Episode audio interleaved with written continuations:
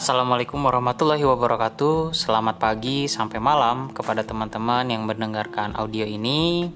Selamat datang di akun kami, Pesan Anak Muda di segmen Markotop. Mari kita obrolin berbagai topik. Um, sebelumnya karena saya record ini di masih suasana Syawal atau Idul Fitri saya sendiri dan tim yaitu saya sendiri mengucapkan takobalallahu minna wa minkum syaman wa syamakum um, semoga um, amal-amalan yang kita lakukan atau amalan yang kita tambah di Ramadan ini semoga menjadi berkah dan menjadi acuan kita untuk menjadi lebih baik di tahun-tahun berikutnya dan semoga juga kita bisa bertemu lagi di Ramadan tahun depan. Minal aizin wal faizin, mohon maaf lahir dan batin. Um, kali ini saya ingin bahas satu topik yang berhubungan juga dengan suasana yang kita sama-sama rasakan sekarang, yaitu mungkin saya nanti kasih judulnya maaf. Biar agak dramatis gitu. Maaf. Maafkan saya yang belum begitu konsisten. Di selama ya agak lama sih. Mungkin hampir lebih dari dua minggu lah. Hampir lebih ya pokoknya lebih dari dua minggu saya nggak update. Baik itu di podcastnya maupun di instagramnya. Jadi ya kepada teman-teman yang berkunjung ke saya eh, ke saya ke akun kami dan bertanya-tanya kok nggak ada lagi postingannya? Kok nggak ada lagi podcastnya?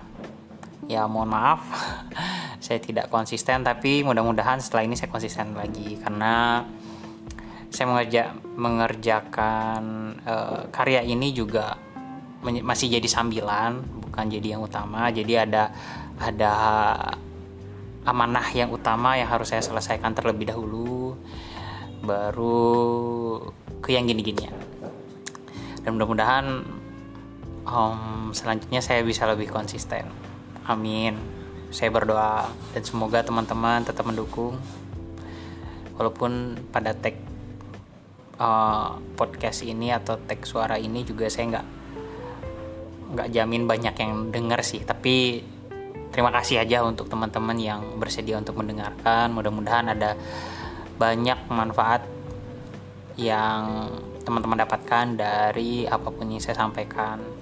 Karena saya percaya setiap pengalaman orang berbeda-beda dan mana tahu pengalaman kita juga diharapkan oleh orang lain kayak gitu. Eh, bijak sekali ya. Oke okay. um, judulnya maaf.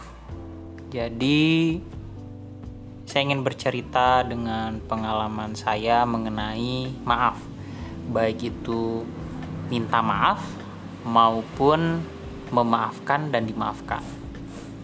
Jadi entah kenapa saya tuh kalau eh, gini dulu teman-teman kalau misalnya yang seangkatan pasti tahu dengan salah satu karakter di Bajai Bajuri yang selalu minta maaf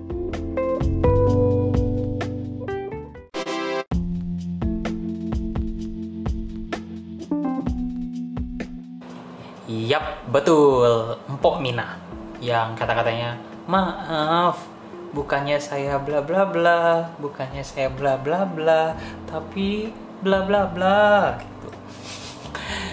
ya, kalau misalnya teman-teman tahu itu berarti kita satu angkatan dan ya kita sudah cukup tua.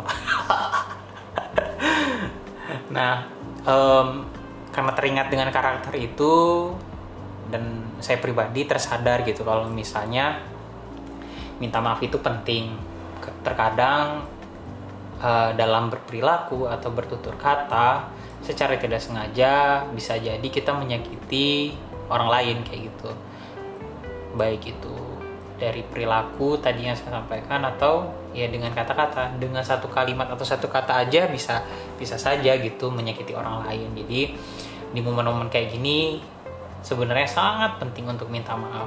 Walaupun kita nggak ngerasa gitu ya dengan minta maaf mana tahu yang kita nggak sadari itu jadi termaafkan. Kan ada pahalanya juga untuk kita. Nah cuman yang jadi permasalahan yang tadi si gengsinya tadi kayak gitu. Nah mungkin saya ingin bercerita dengan pengalaman saya sih. Jadi dulu pernah berselisih dengan salah satu teman. Dan itu tuh kalau saya hitung-hitung mungkin hampir lah satu tahun. Dan itu awalnya dari konflik yang sepele dan pada akhirnya ya kita diam-diaman nggak sapa-sapaan. Ya sebenarnya itu nggak nggak baik kayak gitu. Jadi yang dicontoh itu juga jadi apa namanya penyesalan saya. Tapi ya nggak usah disesali dan setelah itu juga saya jadikan itu pelajaran kayak gitu. Nah sedikit cerita lah jadi waktu itu masalah pokoknya masalah sepele kali. Um, saya nggak usah ceritakan kejadiannya. Pada akhirnya um, kita diam-diaman kita sapa-sapa nggak sapa-sapaan. Dan itu bertahan selama satu tahun kayak gitu. Nah saat itu kondisinya saya ngerasa saya nggak salah kayak gitu. Begitu juga sih uh, teman saya ini nih. Yang dari sisi saya uh, karena uh, ada kata-kata yang nggak enak bagi saya gitu yang dia lontarkan kepada saya. Dan pada akhirnya saya saya kesal gitu. Dan nggak ada kata-kata maaf dari dari teman saya ini nih kayak gitu. Dan saya juga nggak mau minta maaf kayak gitu. Um, karena ya dengan perkataan dia tuh menyakiti saya kayak gitu. Jadi akhirnya diam-diaman nggak sapa-sapaan. Padahal kita kadang di satu tempat kayak gitu.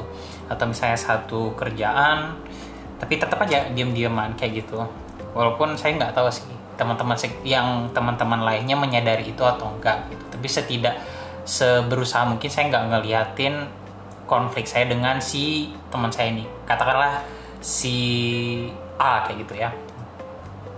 Nah, pada akhirnya berjalan satu tahun, entah kenapa diri saya ini ngerasa ya awalnya sih masih masih kesel kali kayak gitu kan.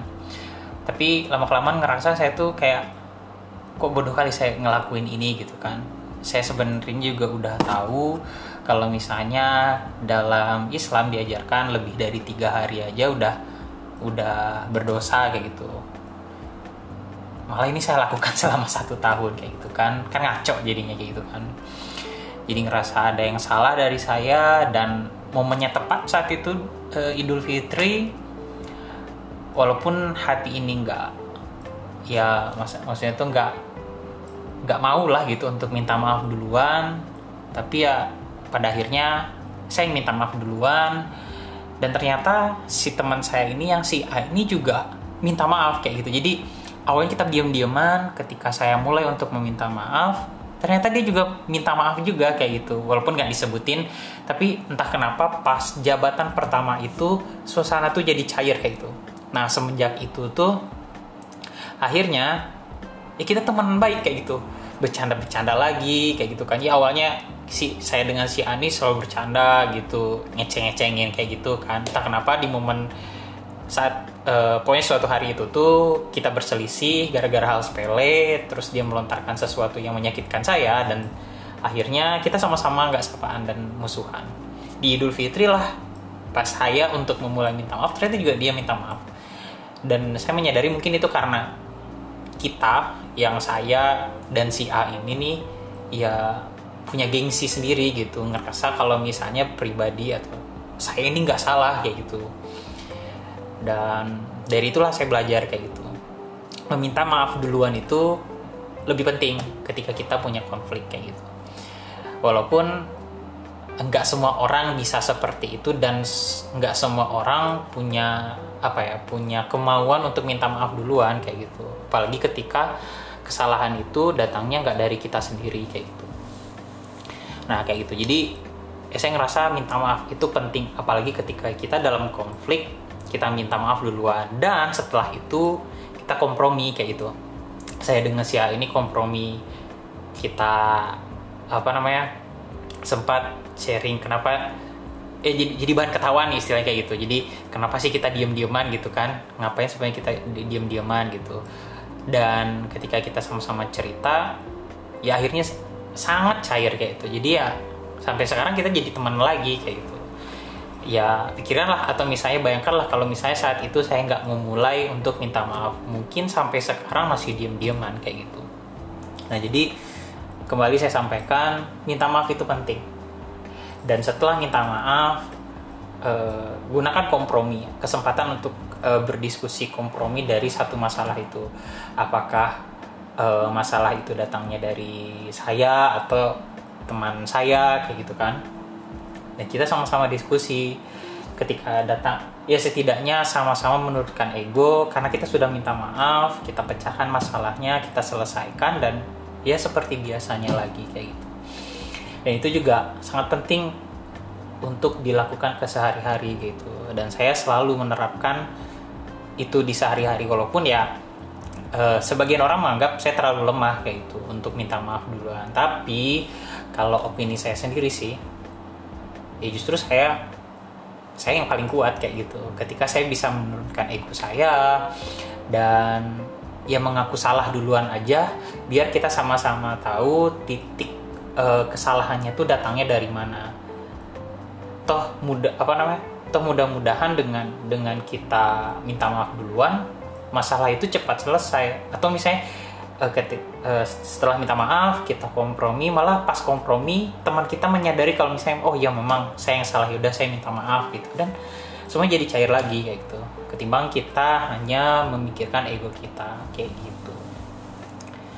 ya kayak gitu. Saya ingin cerita aja itu dan ya saya mau bilang minta maaf itu penting kayak gitu. Karena momennya pas dan saya ambil kesempatan ini untuk uh, ngerekam pengalaman saya dengan uh, sharing uh, temanya begitu penting uh, sorry begitu pentingnya kita untuk meminta maaf atau memaafkan atau mengeluarkan kata maaf duluan kayak gitu.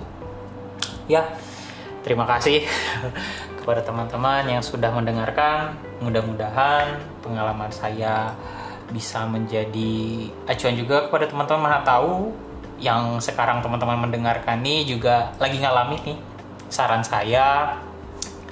Kalau misalnya teman-teman apa musuh teman-teman saat itu masih uh, egonya masih tinggi mungkin teman-teman yang mendengarkan ini turunkan ego teman-teman coba teman-teman memulai untuk menyelesaikan masalah tersebut. Adakan kompromi kayak gitu. Adakan diskusi. Yang sampai hanya berlarut-larut. Soalnya ada apa ya mungkin saya harus bilang ada kekuatan dari kata maaf itu tuh. Yang pertama mungkin dari hati kita tuh yang tadinya gondok sekali kayak gitu kan. Uh, uh kesel kayak gitu kan. Akhirnya lepas satu persatu kayak gitu. Nggak banyak musuh jadinya teman-teman banyak dideketin sama orang kayak gitu.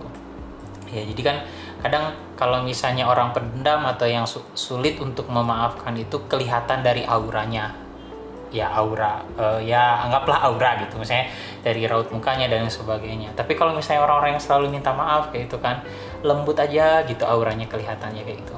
Itu sih pendapat saya kepada teman-teman yang lagi musuhan minta maaf apalagi nih momennya pas tepat sekali. Terus juga terutama kepada teman-teman yang merasa banyak dosa kepada orang-orang terdekat apakah itu orang tua atau misalnya uh, keluarga saudara-saudara sampai teman-teman terdekat. Ya minta maaf. Dan mudah-mudahan apa yang saya katakan ini juga bisa saya terapkan di kehidupan saya. Karena saya masih masih juga ngerasa um, masih gengsi-gengsian tapi mudah-mudahan dengan saya melepaskan ini saya juga jadi pendengar juga dan saya harus sadar apa yang saya katakan ini juga sebenarnya untuk saya sendiri kayak gitu. Dan mudah-mudahan juga bisa bermanfaat untuk teman-teman. Terima kasih teman-teman. Mudah-mudahan teman-teman menjadi pribadi yang lebih baik eh baik aduh aduh balelo selalu. Menjadi pribadi yang lebih baik di bulan-bulan selanjutnya dan semoga ketemu di Ramadan berikutnya. Dan selalu ingat bersyukur